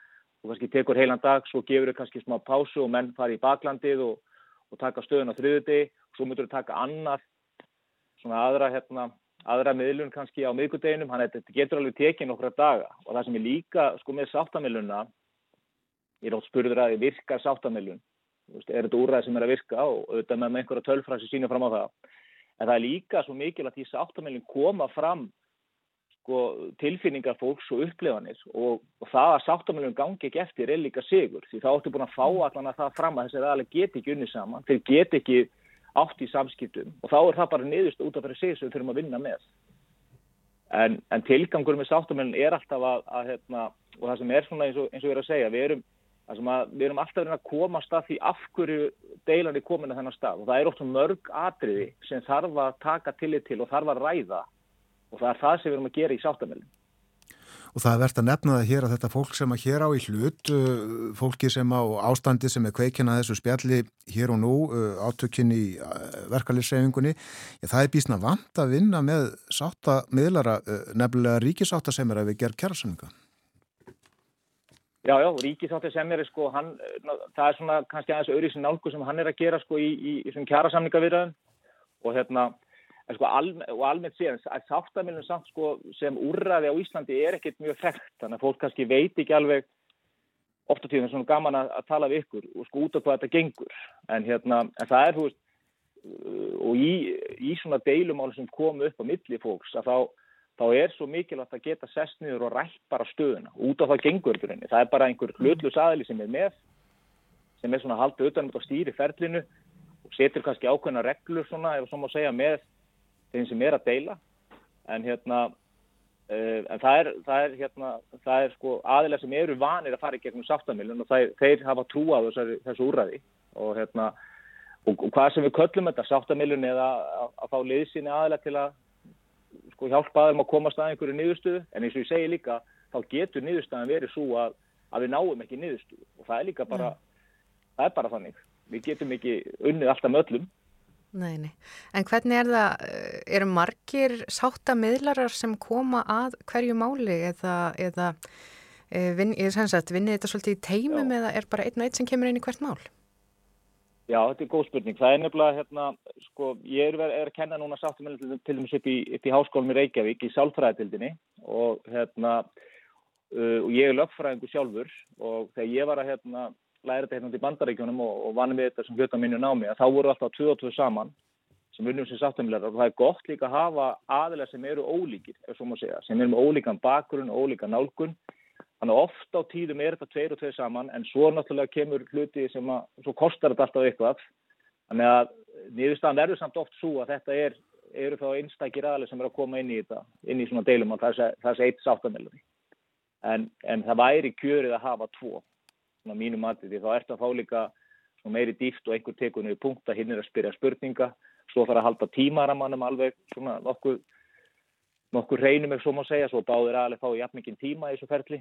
Þannig að hérna best verður að vera tveir. Sátta vilji hlýtur að vera algjört likil atriði Alveg hárið, þú, þú er ferði ekki í sátta miðlun nema báðir aðlega vilja það. Og það er svona hérna það er alveg sko, því að ef, að, ef það sett upp sáttamilun og annar aðeins veit ekki eitthvað þátt í henni þá náttúrulega bara þeir hann og tekur ekki þátt og þá er þetta rauninni búið. Um, en svona almennt síðan með sáttamilun að, að því að segjum svo að síðu hérna ef við færum okkur kannski aðeins bara frá þessari yfir í bara svona einhverja venjulega deilur mm. að þetta getur orðið svona til dæmis að nágranna síðan deila um, tri eða bílastæði. Að þú ert aldrei að taka þar möguleika frá fólki að fara með mál í dóm þú veist, ef þú nærði ekki sátt í sáttamilun að þá getur þú alltaf farið í dómsmál. Og það er eins með allan ákveð, þú tapar aldrei á því að mínumati að fara í sáttamilun. Af því að sáttamilun er ekki neitt sem er útlökaði frá að gera eitthvað annað. Þannig að hérna já, hann er stór hluta að sáttamilar er líka reyna samfara aðalega mitt út frá þessu sko, að þú ert aldrei að gefa neitt frá þig með að fara í sáttamilun. Þú hefur alltaf eitthvað plan til að fara eitthvað annað Er fólk eh, sátt vill að reyna að ná sáttum? Já, þetta er, sko, þá reynir þetta á sáttamiljaðum, þannig að ef, ef hérna, ég myndi fá henni eitthvað mál og, og upplifa það annar aðeins maður ekki mjög sátthús en hinn væri það kannski, þá er það hlutverk sáttamiljaðins kannski að sína honum fram á það, sko, hvað skiptir miklu máli fyrir hann að koma stað, sko, eiga hluti af niðurstuðni, því að sko, það sem þetta gengur allt út á ef þú ferð fyrir dóm með mál eða ferð fyrir einhvern annan aðli sem er að úrskur í málinu, þá áttu engan hluta af niðurstuðni. Þú getur flutt málið eða komið þínu rökum á, á framfari en svo er alltaf einhver þriðja aðli sem tekur niðurstuðuna, sem tekur ákvöruna og ákvöru hvert menn alltaf fara. En í sáttamilu þá er þú að búa til, þess að sépa að setja saman ígæði hillu. Þú ert að búa til niðurstuðun, þú ert að búa, setja hilluna saman. Þannig að hérna, það mætti að því að en, en úrræði er kannski ekki nægilega vel kynnt á Íslandi að hérna, fólk kannski áttast ekki á þessu möguleika þetta er, veist, nú er ég að kenna upp í háskólanum í Reykjavík, ég var aðeins að kenna upp í háskóla í Íslands að hérna, en um, alltaf þegar fólk fyrir gegnum þetta og upplifur það herði, þetta er bara eitthvað sem getur virkað, af hverju gerum við ekki meira þessu? Mm, já, eru margir sáttameilarar á Íslandi? Nei, það er því miður og fáir. Eh, mm. Það er nú heimasíða samt sem heitir sátt.is eh, sem er með lista af, af sáttamilunum sem eru að, hérna, sem er að taka mál. Svo ég hafa náttúrulega marga sálfræðastofur, uh, sérstaklega svona vinnjusálfræðinga að vera að koma inn í, inn í einstökum mál þó maður kallir það kannski ekki beint sáttamilun. En þetta er ekki lögvenda starfseti. Ég lærði þetta sjálfur í bandaríkjónum í of Pennsylvania og en eru, það er ekki margir ég, ef það er einhver sem er bara starfað í sáttamilinu í Íslandi, ég held að það sé ekki sko. þetta er nú hérna, bara mín svona ástrið og ég brenn fyrir þetta sjálfur en, hérna, og teka með svona einstakamál Já, eru bandaríkjaman koni langt í þessu? Já, þeir eru komið mjög langt í þessu. Og, og líka er unni nákvæmlega fjóður okkar. Uh, nú er ég stattur í Svíþjóð, Svíjar eru komið langt í þessu, Danis, fjóðverjar bandaríkjumenn eru með þetta þannig til dæmis að, að, hérna, að flest mál, dómsmál sem kom upp í bandaríkjónum sem er undir ákveðni fjárhæs. Uh, þau fara í svo kallar small claim court sem er svona domstól sem tekur á minnimálum og það er alltaf farið, uh, ekkert alltaf, nærrið því alltaf samt, í sáttamilinu undan og ef það er ekki gert að þá eru dómarinn okk pínu pyrraður því að, að hérna, aðila sé ekki reyna að leysa svona mál sjálfis. Að, hérna, að því það tekur, það tekur alltaf sko, eins og bara á Íslandi í okkur, við erum að setja nýtt domstíg sem er landsettu sem er búið að starfa núna, nú erum við þrjú domstíg en það skortir alveg á svona hugsunni og stjórnmálamönnum að eru, ok, eigum kannski að hugsa einhver aðra lausna ákveðningi heldur en að setja alltaf upp domstóla og, og fjölga dómurum og að því hvað haldið að kosti að rekja mál fyrir ís, íslensku domst, hérna íslensku domsölum, þú veist, það kostar, það er ekki dómari, það er, það er ekki bara dómari, það er alls konar starfsfólk og tími lögmanna og svo bara líka verið ákveðningi. Dómsmál tekur allt og langan tíma Þannig að við þurfum að, hérna, að hugsa eins nýjar leiður og nýjar aðferði við að leysa úr deilum. Já. Og sem þessu stórar og smáar. Eiga, já, emitt, aðferði sáttamelunar við um, ég svo að segja, allar gerðir ágreinings og deilna? Í rauninni, sko. Þú veist, að vísu eru þetta, sko, eins og þið sögðu á hann, sko, aðilið sé tilbúin að fara í þetta. Þú ert aldrei að pína aðil að fara í sáttamelun. Ef það er mál sem er sko alvarlegt í alvarleg líkamsára þetta slík, þá er aldrei að setja aðlið þá stöðu að þurfa að hérna, setja móti myndum gjörðamanni nema hann vilji það sko. Uh, Lauruglan var að keira svona mál eða dómsmálaráðandir með svona minniháttar líkamsárásir sem gekk mjög vel og ég held að það sé einhverju leiti í gangi að fá menn til að sættast og beðast afsökunar Uh, en það er, sko, þú myndur kannski aðeins fyrir að svona færa til aðferðafræðina sko, hvernig þú nýtir þetta eftir stærð ágræningsins en, en þetta er, sko, þetta er aðferðafræði sem að heima í öllum deilumálum að mínum að eða flestum Já, þú þekki vel til í bandaríkjónum og uh, hefur kynnt er málinn víða um heim. Hvaða svona dóm leggur á íslensku þjóðina okkur hér e erum við átakasækin eða, eða erum við fyrir sáttina?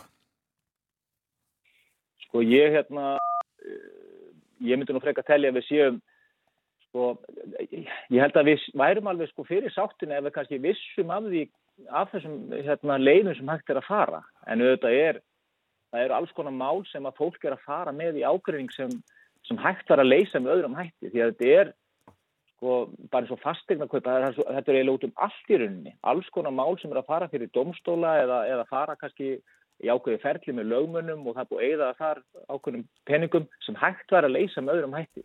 Þannig að við gætum gert betur en ég held í eðlokkar síðu við, við sáttfús en, en við þurfum auðvitað að vita bara hvert við erum að leita. Já. það kannski kemur þetta upp á stjórnvöld líka þau hérna að þau geta gert sitt til þess að koma þessari aðferðafræði betur, betur á koppin. En mörgur reynist erfitti það ekki að gefa eftir? Jú, það er alveg hárið. Það hérna, og þessna er líka svo mikilvægt, sko, einhver sagði nú með einhvern tíma að góður samningur er það sem báðir aðlar appið út pínu ósáttir, að báðir séu búin að gefa eftir. Það er mér gerist líki í sáttamilun. Ég nefndi við ykkur þetta hugaflug, þá ert þú að tengja saman tillugu frá báðum aðilum. Þú ert aldrei að taka fram einhverja reyna tillugu frá einum aðila sem lausnaði málinu heldur eftir sem sáttamælir að vinna að laust, vinna að einhverju niðurstöðu út frá ólíkum tillögum frá uh, þeim sem er að deila. Þannig að þú ert alltaf að setja fram niðurstöðu sem þeir er að koma með báðir. Það er líkilega dríðis. Treystir þú þeir Elmar til þess að koma á sáttum í verkefliðsreifingunni? Uh, ég er að vísu í öðrum störfum eins og staðarni núna en hérna þannig að ég hérna ég myndi nú kannski ekki gera það núna, nei. En, en hérna, það eru það er eins og segi, það eru sáttamiljar sem eru að störfum uh, í dag sem, sem gætu komið inn í, inn í verkefni sem þetta. Já. Þetta er auðvitað stórt verkefni og það hafa nú verið átök víðar í samfélaginu. Við munum upp og komu innan flokks fólksins nýverið um, og það er oft talað um þess að svona gliðnun. Hefur tekið eftir þessum já, átökum víðar? Já, það er algjörlega og þetta er líka sko, eins og með sáttamilun að því að hérna, það sem eins og við erum að segja að við erum að reyna að koma á stað svona rótdeilunar að fá fólk til þess að, að tjási hvernig þið líður og hvað er að hugsa að, að því að átök og ákveðningu verður oft til út af einhverjum samskiptum sem miskiljast, þú setur hluti fram með einhverjum ákveðnum hætti sem ætlar ekki að gera, hinn upplifur það með ákveðnum hætti. Þannig að þetta, þetta er að því við sem, mann, sem manneskjur við erum mikla tilfinningaverur og okkur líður alls konar og, og hérna, getum tekið hlutana með alls konar hætti svo spinnst þetta upp.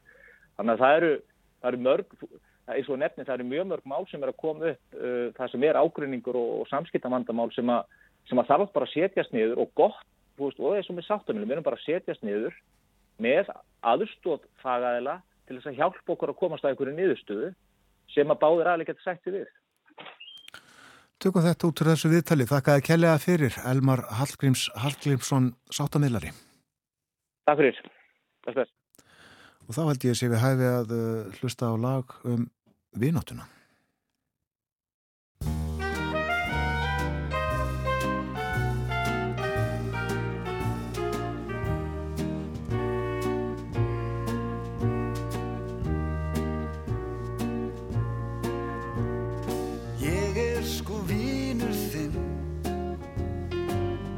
Var mest til vinur þinn.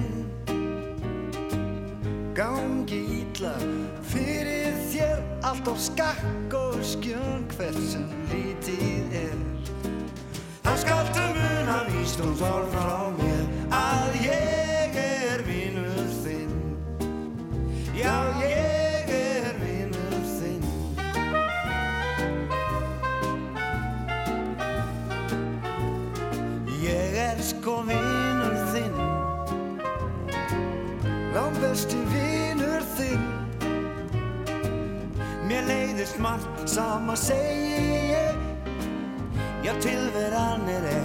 alltaf dásamleg. Það skaltu mun að sorg frá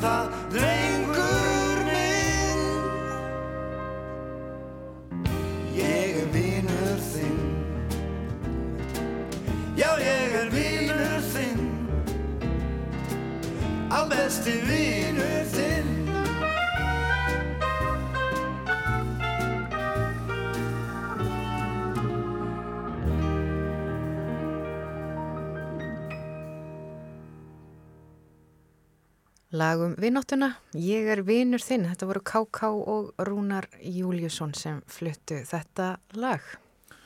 Og það er auðvitað allir vinir í stjórnmálunum á Íslandi. Þingfundur í dag hefst hálf 11 og uh, fyrsta mál á dagskrá og undirbúin fyrir spurnatími. En svo fer fram sérstöku umræða í þinginu í dag og gert ráð fyrir að hún hefjast rétt upp úr 11. Þar verður rætt um fjármögnun heilsugjæslustöðva á höfuborgarsvæðinu. Málsæfjandi er Hildur Sveristóttir og til ansvara eins og það heitir á þingmáli helbriðisáþara Viljum Þór Þórsson. Og svo fjölmörg mál á dagskrá sem að fjallaverður um rættum inn í daginn húsalegulög til að mynda og uppbygging geðdeildaðir á dagskrá.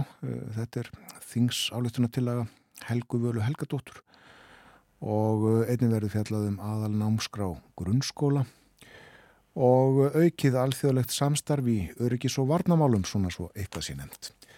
Já. En uh, það byrtist frétt hjá okkur á rúf.is uh, miðnætt í gær sem Freyr G. Gunnarsson skrifaði þannig er að uh, nokkur nýnöfn hafa verið færðinn á mannanafna skrá átta eiginöfn og eitt millinöfn og nýju eiginöfnin eru Elfríð, Salómína, Elíó, Hanni, Byrningur, Lauf, Vana og Salvía og nýja millinafnið er Úlfstað.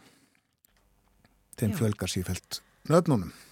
Þeim fjölgar sífælt og það sem er við þetta aðteglisvert líka við þetta er að öll nöfn fengu grænt ljós og oktoberfundi mannanöfna uh, manna nafna nefndar uh, og það er nú kannski ekki alltaf sem það gerist að öll uh, nöfnin fáðu grænt ljós. Nei, það er ríkt um þetta sátt.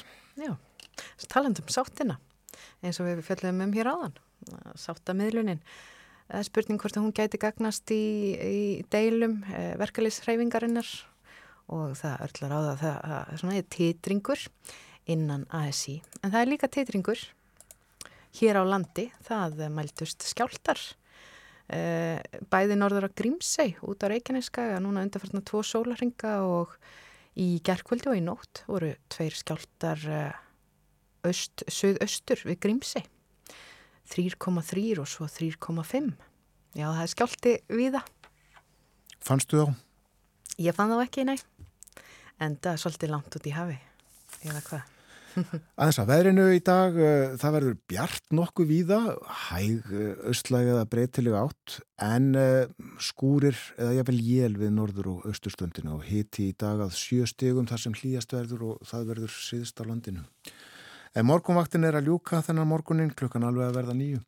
Við höfum setið hér Björn Þór og Gíja frá því fyrir sjö í morgun og verðum hér aftur í fyrramálið. við þökkum fyrir okkur og veriði sæl